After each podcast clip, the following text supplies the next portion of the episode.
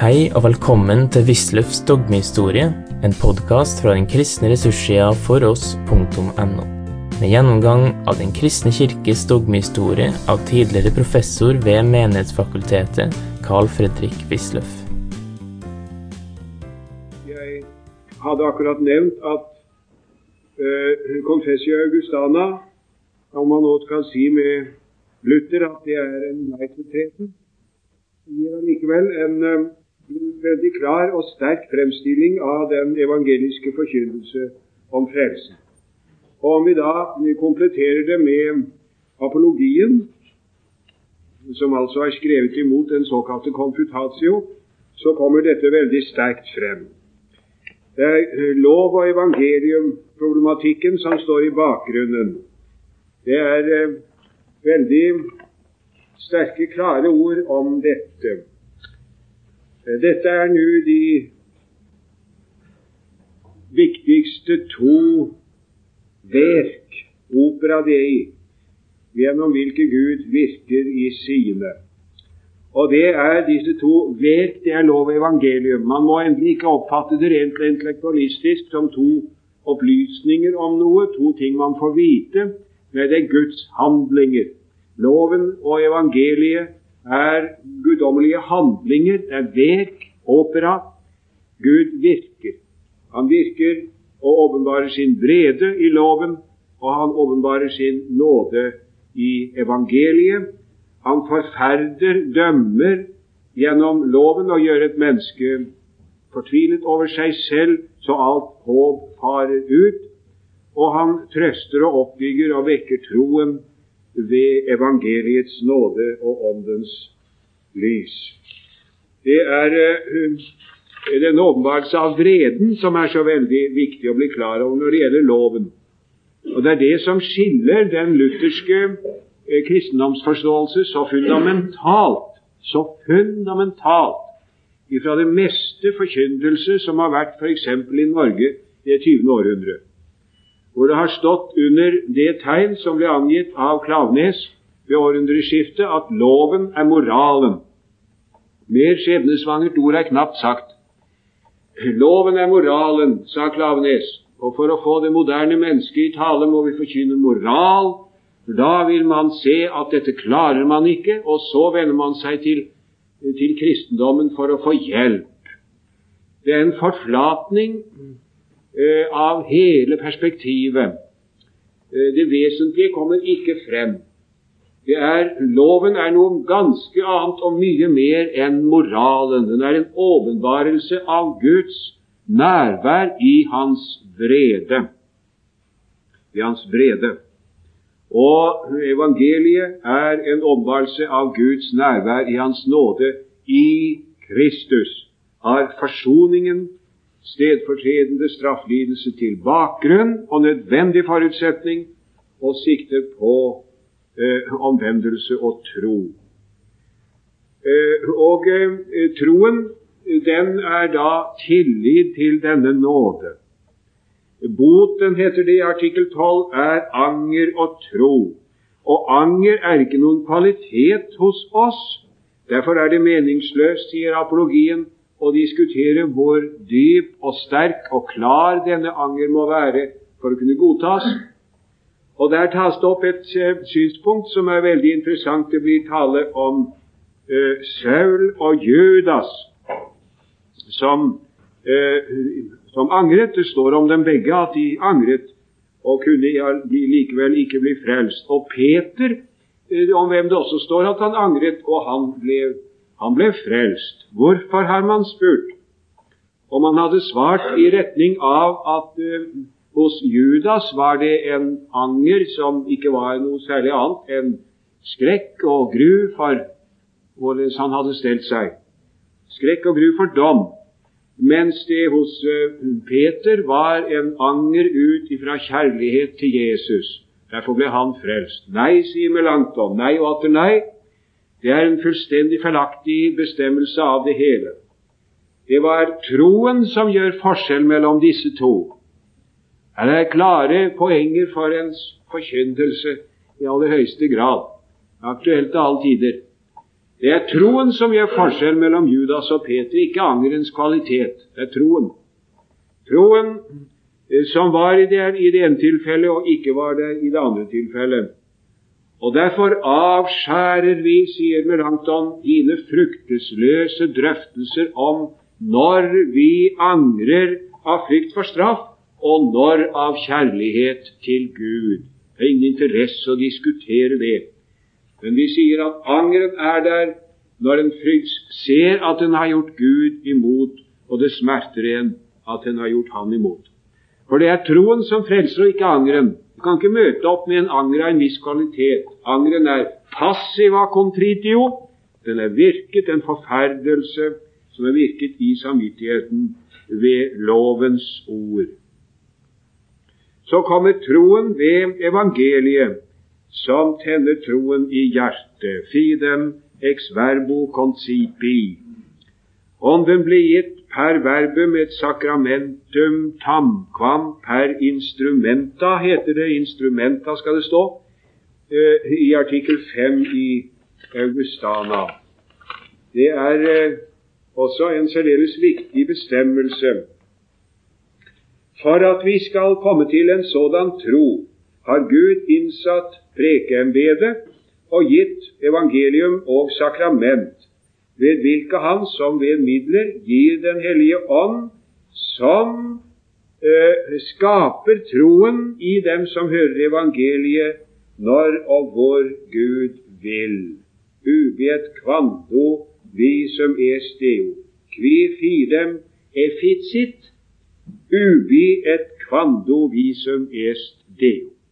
Altså troen blir til ved det forkynte ord. Troen er ikke primært en beslutning som jeg fatter, men det er en tillit i hjertet, virket ved Guds ord og ånd. Merkelig nok, har, dette har konfrontasjonen uten videre godtatt. Uh, de, de, har vel forstått det formodentlig, disse katolske kontroversteologer, at dette er en bestemmelse som er egnet til å skyve spiritualistene ut og avvise spiritualistene. For spiritualistene de mente jo at ordet kom, eh, at, at ånden kom uavhengig av ordet. Ordet er jo noe utvortes. Bibelen er jo noe utvortes. Og uh, ånden bruker ikke noe utvortes. Det sa et svingli jo også. Ånden farer ikke frem på en vogn, sa han. Den har ikke noe utvortes vehikulum. Eh, jo, sier Augustana 5, den har det tamkvam per instrumenta. Det er det lutherske eh, syn som ser altså nåden og nådens midler så å si i ett mens reformerte mer er å se det parallelt. Det har de forstått. Eh, men så har de trodd at eh, som om det sto per verba et sakrament da.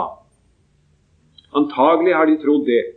Og så har de tenkt at eh, vel, dette her er jo, er jo godt og vel. Det er sakramentene som er vist til, og det får vi godta. Vi har ikke forstått radikalismen i dette med evangeliet at evangeliet gir nåden for den i hvem ordet får vekke troens tillit. Troen er en uh, virkning av Guds ånd. Troen er fiducia, fiducia in voluntate og est velle et aksipere hoc quod in promissione offertur.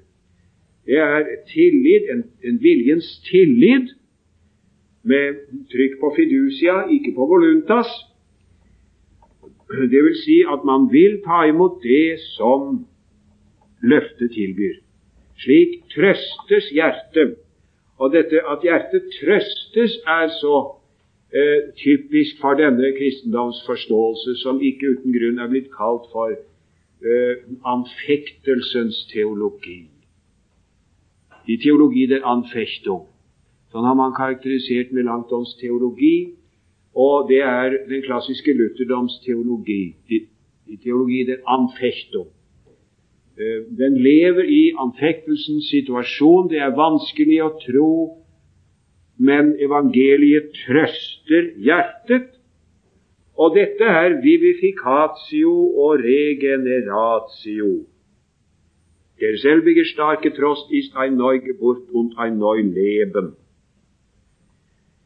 Man skal lese artikkel 12 og artikkel 4 og 5 i ett. Uh, artikkel 12 om, om boten. Uh, om boten lærer de, nemlig de evangeliske menigheter, at de som efter loven har syndet, kan til alle tider, når de kommer til bot, få uh, syndenes forlatelse, og absolusjonen skal ikke bli nektet dem.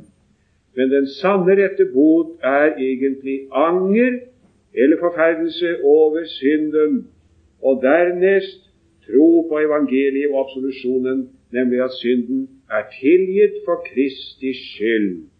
Hvilken tro trøster hjertet og gjør det tilfreds. Deretter skal et nytt liv følge. Altså anger og tro, det er frelsens hemmelighet. Og Bakgrunnen for, eh, for, frelsen, nåden og troen, det er forsoningen i Kristus. Artikkel 3. Eh, forsoningen i Kristus. Den som taler om Guds kjærlighet uten å tale om kjærlighetens åpenbarelse i forsoningen, har ikke grepet kristendommens budskap. Budskapet om Guds kjærlighet er ikke bare i all alminnelighet at Gud er nådig og barmhjertig, men at Han har sendt sin Sønn til soning for våre synder. Det er det avgjørende. Og Derfor sier artikkel 3 om Kristi person både at han er Gud og menneske i en person, og at han har eh, blitt Han har litt, korsfestet, død og begravet for at han skulle være et offer, ikke bare for arvesynden, men også for alle andre synder og forsone Guds vrede, står det. På latin ut reconciliaret nobis patrem. Det er med andre ord den objektive forsoningslære, hvis poeng er at Gud var vred. Forsoningen var nødvendig fordi Gud var vred. Gud måtte selv iverksette forsoningen, for han var vred. Forsoningen var nødvendig pga. Guds vrede. Det er den objektive forsoningslære. Den subjektive forsoningslære går ut fra at Gud aldri var vred. Det var egentlig vi som måtte forsones. Vi var redd for Gud. Og så har Gud vist oss i Kristus at Han elsker oss og aldri har gjort annet. Det er Abelars syn. Det er den moderne nyprotestantismes syn mens den objektive forsoningslære er den klassisk kirkelige oppfatning, og det er den lutherske kirkes syn. Eh, at han skulle forsone oss med Faderen. Und Gottes Zorn versynete, heter det i den tyske tekst. Eh, når det så gjelder rettferdiggjørelseslæren, så er motsetningen til den romerske oppfatning meget klar. Eh, de som lærer, heter det i, i apologien, at menneskene står i forhold til Gud per opera eh, merita, ved gjerninger og fortjeneste. Og imot dette står da den evangeliske oppfatning fide sic vult colideus ut ab ipso accipiamus ea, hver promittit et offert. Gud vil dyrkes på denne måten ved troen, på den måten nemlig at vi av ham mottar aksipiamus ea, vi tar imot det som han lover og tilbyr. Aksipiamus ea kve promittit et offert. Han tilbyr, vi tar imot, og det er troens livselement. Vi tar imot, ikke at vi gir, men at vi tar imot. Og det er bare troen som kan rettferdiggjøre, for eh, det er bare troen som er slik at den i seg selv ikke har noen verdi i Guds øyne, men den rettferdiggjør fordi den tar imot den lovede nåde. Troen rettferdiggjør ikke som gjerning eller som kvalitet. Gud tilgir oss ikke fordi vi tror, men ved troen. Her er, er, her er det er viktig å legge merke til preposisjonene. Det heter eh, her, side, rotter,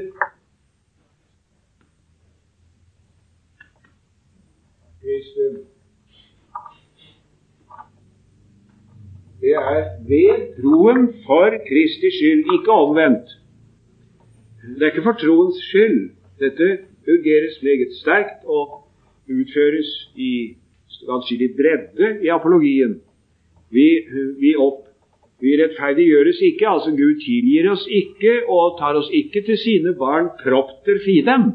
Ikke på grunn av troen, Nei, men ved troen. Den, det er rent instrumental. Men propter Kristum, det vil si for Kristi skyld, det er forsoningens nåde som er bakgrunn og forutsetning for hele frelsestilegnelsen. Og her eh, er det veldig viktig Det kommer et veldig viktig avsnitt 10 der på side 134. Det må jeg ganske særlig be dem legge merke til. Uh, man kan ikke gjøre større feil enn å tolke dette i intellektualistisk retning, som om det bare var et budskap som man sådan hører og, og forstår og nikker samtykkende til, og så uh, All right, så skjønner man det. Nei, dens uh, troen er ikke bare en forsantholden av et objektivt budskap, det er den ganske visst også. Men denne troens tillit har sitt sted i viljen. Man skal her være forsiktig med uttrykksmåten. Troen er ikke en viljeshandling, men den er en tillit som bor i viljen. Eh, som det heter her opp, det som jeg nevnte. Fiducia involuntate. Fiducia involuntate. Og Derfor er omvendelsen en personlig opplevelsesforegang. Eh, sterke ord er brukt om det. Her heter det i den latinske tekst, artikkel 20 Augustana, tota hec doctrina ad illud certamen per terre facta conscientia referenda est, nec sine illud certamine intelligi potest. Hele denne lære, nemlig om rettferdiggjørelse av nåde ved tro for Kristi skyld, den refererer seg til hin certamen per terre facta conscientia. Hin strid i den forferdede samvittighet. Jeg har satt i anførselstegn disse tre ord. Certamen per terre facta conscientia en strid i den forferdede samvittighet. Per terrefakta det er altså en som er, en som er slått helt ned på jorden. Slått helt ned på jorden. Det betyr jo rent, uh, rent, rent verbalt. En, en, samvittighet som er slått aldeles ned. En forferdet samvittighet, sier vi. Og striden i den forferdede samvittighet er dette at jeg nå i den situasjonen er nær ved å fortvile overfor muligheten av å bli frelst. Og Derfor heter det videre Derfor dømmer de uerfarne og verslige mennesker ille om dette, og drømmer om at den kristne rettferdighet ikke er noe annet enn den borgerlige og filosofiske rettferdighet. Quare ehm, male judicante eare homines imperitiet profani. Den uerfarne. Om igjen og atter om igjen så er det i eh, apologien tale om troens erfaring. Hvorfor skjønner ikke sofistene, som de heter, hvorfor skjønner, hvorfor skjønner de ikke dette? De har ikke troens erfaring. Eh, jeg kunne, jeg kunne si det sånn likevel som noen mystiker, ja, likevel som noen pietist, taler bekjennelsesskriftene om troens erfaring som en forutsetning for overhodet å forstå hva som her foregår. Den som ikke har kjent forferdelsen i samvittigheten, som er rammet av Guds vrede i lovens dom, og som ikke har smakt trøsten i evangeliets nåde, fatter ikke denne lære. Om igjen og om igjen heter det det. Es mögen diejenigen von diesen großen Ängsten nicht viel erfahren haben, die, weil sie also mit Worten spielen und nach ihnen ihren Träumen Unterscheid machen. Aber im Herzen und wenn es zur Erfahrung kommt, findet sich's viel anders. Und mit den rechten, schlechten Syllaben und Worten findet kein Gewissen Ruhe wie die guten, sanften, müßigen Sophisten träumen. Hier berufen wir uns auf Erfahrung aller Gottesfürchtigen, auf alle redliche, verständige Leute, die auch gern die Wahrheit erkennen. Die werden bekennen, dass die Widersacher in allen ihren Büchern nichts Rechtschaffenes gelehrt haben von der Bus, sondern eitel verworren unnütz Geschwätz. Det føres tilbake til denne certamen per terre facta conscientia. Den som ikke har denne erfaring, imperitus, imperitus, ingen erfaring har om dette, han misforstår alt sammen.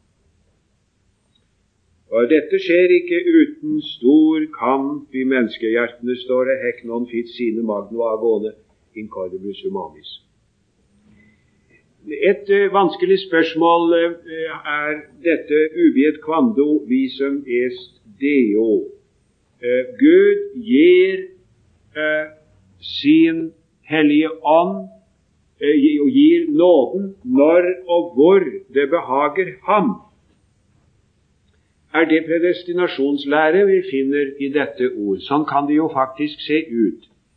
Gud gir Den hellige ånd Eh, Den hellige ånd som gir nåden når og hvor det behager Gud, står det.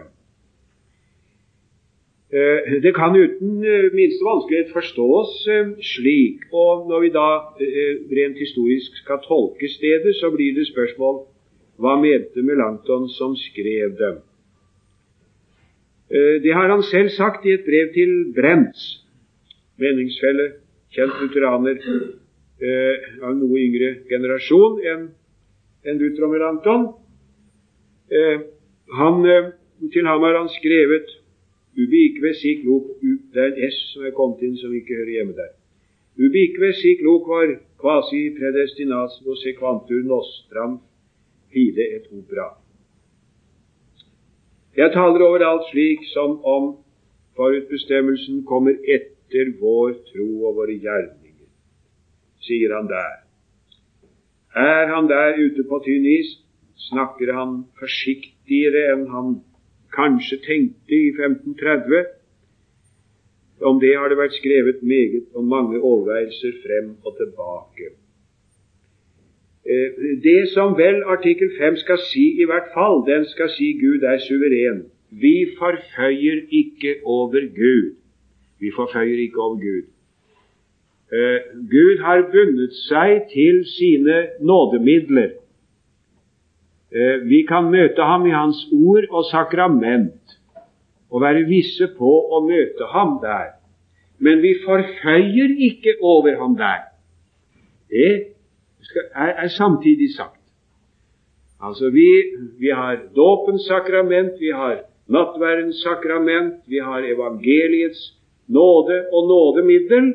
Det er sikkert. Og den som da møter opp her med ydmykt hjerte, han kan være sikker på å møte Gud i Hans nåde, for her har Han sagt at Han vil møte oss i sin nåde. Men det er én ting. En annen ting er vi forføyer ikke over Gud. Det er akkurat som om dette uviet quando visum esteo er en sperre som varetar forvissningen om Guds suverenitet. Og motsetningen er eh, utvilsomt tanken som er ofte fremme i romersk katolisisme om prestens makt over Gud i og ved sakramentene. Det er ikke vanskelig å finne besynderlige uttrykk for det. Når Gregor den store f.eks. sier at rett sett er den katolske prest større enn jomfru Maria, for hun fødte Kristus én gang, men presten bringer Kristus til verden hver gang han konsekrerer. Og Dette er sitert så sent som i vårt hundrede år av en erkebiskop Katz taler i Østerrike. Det er ofte sitert og anført nettopp det. Eret eure priester, formante han uh, i menighetene. For tenk hva store prestene er. Og så siterer han Gregor den store med tilslutning og atskillig utbrodering til og med. Så det er altså for å sette en sperre imot alle forestillinger i retning av magi. Magien er jo liksom en teknikk, mens eh, sakramentet, eh, vissheten om å møte Gud i sakramentet, er forbundet med vissheten om at Gud er suveren. Vi forføyer ikke over ham. Artikkel 13 i eh, Augustana er en generell beskrivelse av hva sakramentene er for noe. Den heter om eh, sakramentenes bruk. Og Der heter det om sakramentenes bruk lærer de eh, evangeliske menigheter at sakramentene er innstiftet ikke bare for at de skal være eh, bekjennelsestegn, kjennetegn mellom mennesker. Det er satsvinglig. Det er et eh, felttegn som en har på seg for å se hvilken hær man hører til. Man hadde ikke uniformer den gangen, men man hadde jo merker og forskjellig. Eh, det kan Luther også si, men for ham er det et sekundært moment. Eh, men heller at de er tegn og vitnesbyrd om Guds gode vilje mot oss til å oppvekke og bekjenne troen i dem som bruker sakramentene. Derfor må sakramentene brukes slik at troen kommer til som tror løftene ved, som ved sakramentet tilbys og vises. De fordømmer da disse som lærer at sakramentene rettferdiggjør ex opere operato av gjort gjerning, og som sier at troen ikke er nødvendig for å bruke sakramentene. Eh, for, for å bruke sakramentene. Det har eh, konfrontasjonen ikke noe imot når man bare vel å merke sier um, at det skal være syv sakramenter. Eh, ja, ja, hvor mange sakramenter er det da? Det skal man aldri diskutere før man er enig om hva et sakrament er for noe. I, det er jo ikke noe bibelsk begrep i og for seg. Vi finner ikke sakramentum noen steder, unntagen i Vulgata, hvor det står om noen slik sammenheng, unntagen hvor det står altså om, om ekteskap, en hemmelighet. Men eh, hva betyr sakrament i den her aktuelle sammenheng? I apologien finner, finner vi et, eh, en definisjon. Ritus qui habent, habent skal det være, mandatum dei et quibus addita est promissio gratia. Ritter som har Guds påbud, og til hvilke det er føyet et løfte om nåde. Rittus er flertallsord, kan være flertallsord. Eh, ritter, altså seremonier som har Guds befaling, befalt av Gud, og til hvilke det er føyet et løfte om nåde. Og etter den definisjonen så får vi dåp og nattvær og absolusjon og, og kanskje preken også. Eh, det kan man diskutere da. Men senere så trekker man inn det synlige tegn, det materielle tegn, og sier altså da at et sakrament, det er en guddommelig innstiftet handling som har et innstiftelsesord og et materielt element. Verbum og elementum, som Augustin talte om. Men Augustin hadde ikke noen lære om hvor mange sakramenter det var. Men han har jo denne uttrykksmåte om verbum og elementum. Og da kan det ikke bli mer enn to sakramenter, nemlig dåpen og nattværen.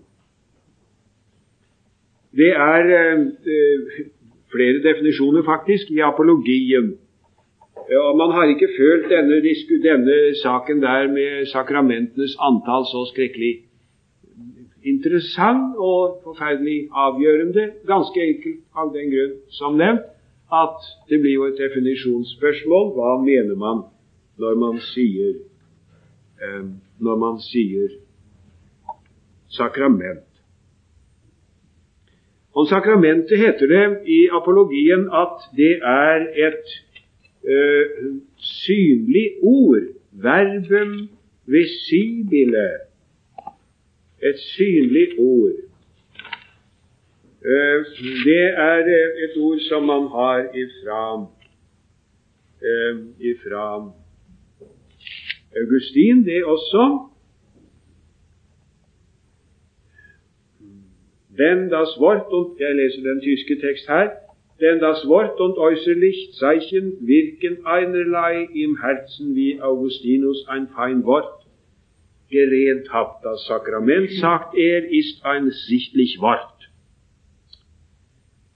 Uh, meningen er at uh, ord, uh, vil jo de hø Vi hører ord. Vi hører dem. Men her har vi et ord som vi kan se et ord som vi kan se. Vi kan se dåpen, se nattverden, eh, og, og, og, og, det er et sakrament. Hva slags ord da? Er det et lovens ord? Er det et evangeliets ord? Er dåpen f.eks. da som verbum visibile et lovens ord som sier at du må følge Kristus ned i dåpsgraven, at dåpen er en lydighetshandling? Kristus ble døpt som voksen, så må du også det. Du må følge ham helt ned i i dåpsgraven og hva det nå heter, ut i Jordan osv. Nei, ingenlunde. Det er ikke noe lovens ord, det er et evangeliets ord. En sichtlich Wort, et verbum visibile som taler om nåde. Et evangeliets ord, ikke et lovens ord. Det er særdeles viktig, det. Eh, for nå da å ta eh, om eh, disse to, så er det først om om, om dåpen, artikkel 7. Eh, om dåpen lærer vi at den er nødvendig til frelse, og at ved dåpen tilbys Guds nåde, og at barna skal døpes for at de ved dåpen for at de, når de er overgitt til Gud i dåpen, skal mottas i nåde hos Gud. De fordømmer hjemdøperne som eh, ikke anerkjenner barnas dåp, og som sier at barn blir salige uten dåp. Eh, den tyske tekst litt annerledes. Der halben werden videre teufer verworfen, welche lehren, dass die Kindertalf nicht recht sei. De skal ikke la dem binde på ermet at Augustana lærer at udøpte barn går fortapt. Det står ikke det, og reformatorene mente ikke det som jeg allerede har vært inne på flere ganger. Eh, her eh, er det ikke sagt så veldig mye. Melanchthon har her ikke gått inn på en del av de ting som eh, Luther hadde irritert katolikkene med. Han hadde jo noen dristige formuleringer. Non sacramentum sed fide sacramenti justificat. Det kan se ut som om sakramentet egentlig ikke er nødvendig. Sånn er det ikke på noen måte ment hos Luther noen steder. Han vil alltid si at i dåpen tilbyr og meddele Gud all sin nåde. All sin nåde! All, all sin nåde. Det er ikke fordelt på forskjellige sakramenter som altså den ene gir det, den andre gir det, den tredje gir det. Det er en romersk forestilling, den lutherske forestilling, er at Gud gir all sin nåde i dåpen. Alt. Og eh, det andre dåpen blir ingen tilgang uten troen. Eh, det er dette andre som Luther taler så sterkt polemisk eh, om samtidig mot papistene, at hans ord kan ta seg ut som spiritualisme, men sånn er det aldri ment. Det kan man være ganske rolig for. Eh, om hele denne problematikk har Melanchthon ingenting sagt i artikkel 9. Men i artikkel 13 så står det jo om at troen er nødvendig eh, for en rett mottagelse av sakramentene. Eh, I virkeligheten så er eh, hos Luther, i hans teologi, dette utformet sånn at det, denne hierarkisk-sakramentale bygning i katolisismen raser i sammen. Eh, ordinasjonen egentlig overflødig, fordi Gud gir all sin nåde i dåpen. Den som er krøpet ut av dåpens bad, han er allerede viet til prest, bisp og pave, sier Jo. Og mente derfor opprinnelig at den som skal være sogneprest Jeg minner om hva jeg har sagt flere ganger om forskjellen mellom pastor og priester, som vi dessverre ikke har på norsk. Den som altså skal bli farer, han eh, trenger egentlig ikke noe annet enn et kall. Derfor har han definert også ordinasjon som kall. Ordinieren heißt berufen und befehlen das Pfarramt. Det er hans opprinnelige og prinsipielle syn, men lutherdommen innførte jo senere allikevel ordinasjonen som fast kirkerettslig praksis. Nattverden er eh, Der står vi overfor en eiendommelighet at eh, disse to utgaver av dem nemlig, artikkel, nemlig den tyske og den latinske tekst, er ikke helt parallelle. Og om det har det vært en praktisk talt uendelig og aldeles uoverskuelig lærd diskusjon som neppe blir avsluttet så lenge verden står. Nei, det virker sånn. Det er kolossalt. Eh, la oss se litt på dem. Den tyske tekst sier Vom Abendmahl des Herrn wird also gelehret, dass wahre Leib und Blut Christi wahrhaftiglich unter der Gestalt des Brots und Weins im Abendmahl gegenwärtig sei und da ausgeteilt und genommen wird. Derhalben wird auch die Gegenlehre verworfen. Om Herrens nadvær lærer, lærer vi, eller blir det lært, at Kristi sanne legeme og blod visselig er til stede i nadværen under brødets og vinens skikkelser, og der blir utdelt og mottatt. Derfor blir også den motsatte lære forkastet. Det er en meget sterk formulering. Eh, det, jeg har ofte vært gjort oppmerksom på at hvis man oversetter den til latin, oversetter den tyske teksten direkte til latin, da får man praktisk talt den samme som i fjerde Laterankonsil i 1215. Eh, en del av den altså står ikke noe om transubstansiasjon her, vel å merke. Men det står Cuius corpus et sanguis in sacramento altaris sub speciebus panis et vini verasiter continentur.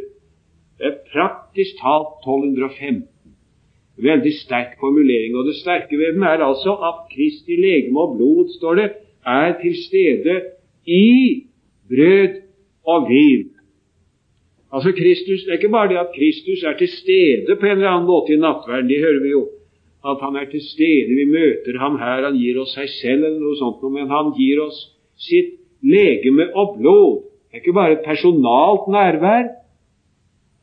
Det er ikke bare sånn at Kristus er her, men hans legeme og blod er her. Og hans legeme og blod får vi i brødet og vinen. Vi tar imot Kristi legeme og blod med munnen. er det lært her, ganske klart og tydelig. Og Det er det samme jo som i den lille katekismen. Hva er alterets sakrament? Alterets sakrament er vår Herre Jesu Kristi sanne legeme og blod under brødet og vinen, for oss kristne innstiftet for at vi skulle ete og drikke det. Lille katekismen skulle man så rent avgjort kunne utenat. Og Det må de så allikevel før eller senere, når de skal opp i dogmatikk for, for professor Aalen. La meg bare si det. Hvis ikke de da kan katekismen, så går det dem ille. Det kan jeg bare si. Bytter ikke, som rett og riktig er. Eh, den latinske tekst er ikke fullt så eksplisitt. Der står det De køna domini docent quod corpus et sanguis Christi vere adsint et distribuantur vesentibus in køna domini et improbant secus docentes. Om Herrens nattvær lærer de at Kristi legeme og blod visselig eller sant er til stede og utdeles de etende i Herrens nattvær, og de forkaster eller misbilliger noe svakere uttrykk dem som lærer annerledes. Eh, altså, det, det, sies for så vidt ikke noe annet, men det kommer ikke så klart frem at korpuset sanguis Christi eh, er i brødet og vinen. Det står bare adsint. Det står bare adsint. Det står bare at de er til stede, men det står ikke at de er til stede i brødet og vinen. Så det er ikke fullt så sterkt. Og, eh, og den eh, eh er spørsmålet da hva som her er tanken. Eh, noen sier at den tyske teksten den, eh, det er Maurer som har ment at den svarer til den saksiske politikk og distanserer seg mest mulig fra sveitserne, Zwingli, og nærmer seg mest mulig keiseren. Og den tyske tekst som ble lest opp for keiser Karl med så høy røst at det kunne høres helt langt utenfor, nede på gårdsplassen hvor det sto fullt av folk. Det ble lest opp på tysk.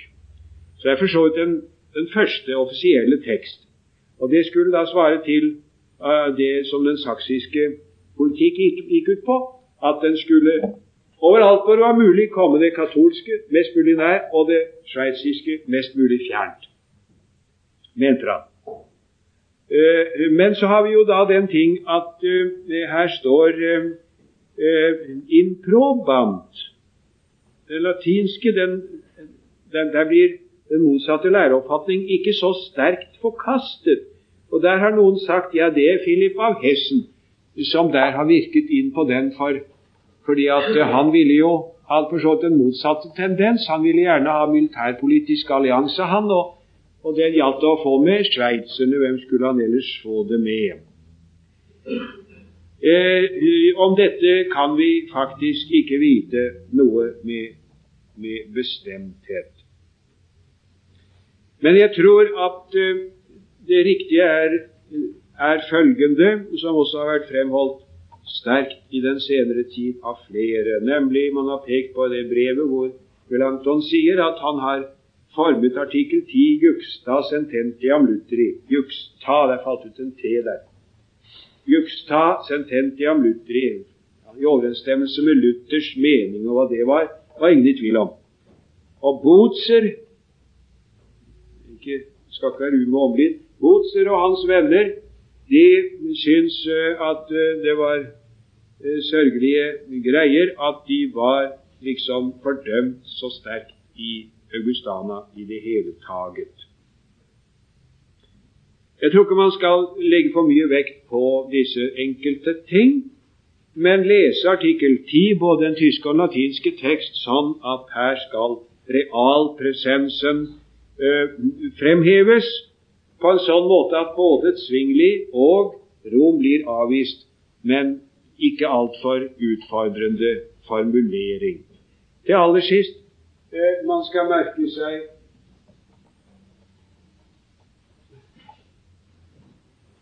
disse to Eh, viktige ting som karakteriserer um, den lutherske nattverdlære, til forskjell fra den reformerte. Det er i særdeleshet to ting. Det er